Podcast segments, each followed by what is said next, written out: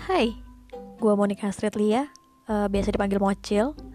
Mungkin karena dulu waktu kecilnya gue agak susah makan kali ya. Jadi pas udah gedenya badan gue kecil aja dan mungil dibanding orang-orang sepantaran.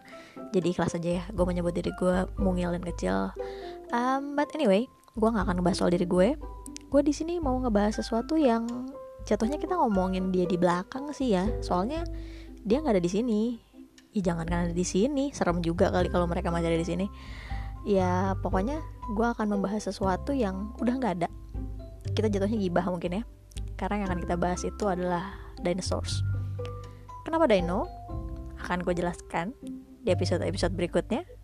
Jadi tunggu aja kita akan ngebahas apa tentang dino. Setuju nggak setuju? Mari ditunggu. Enjoy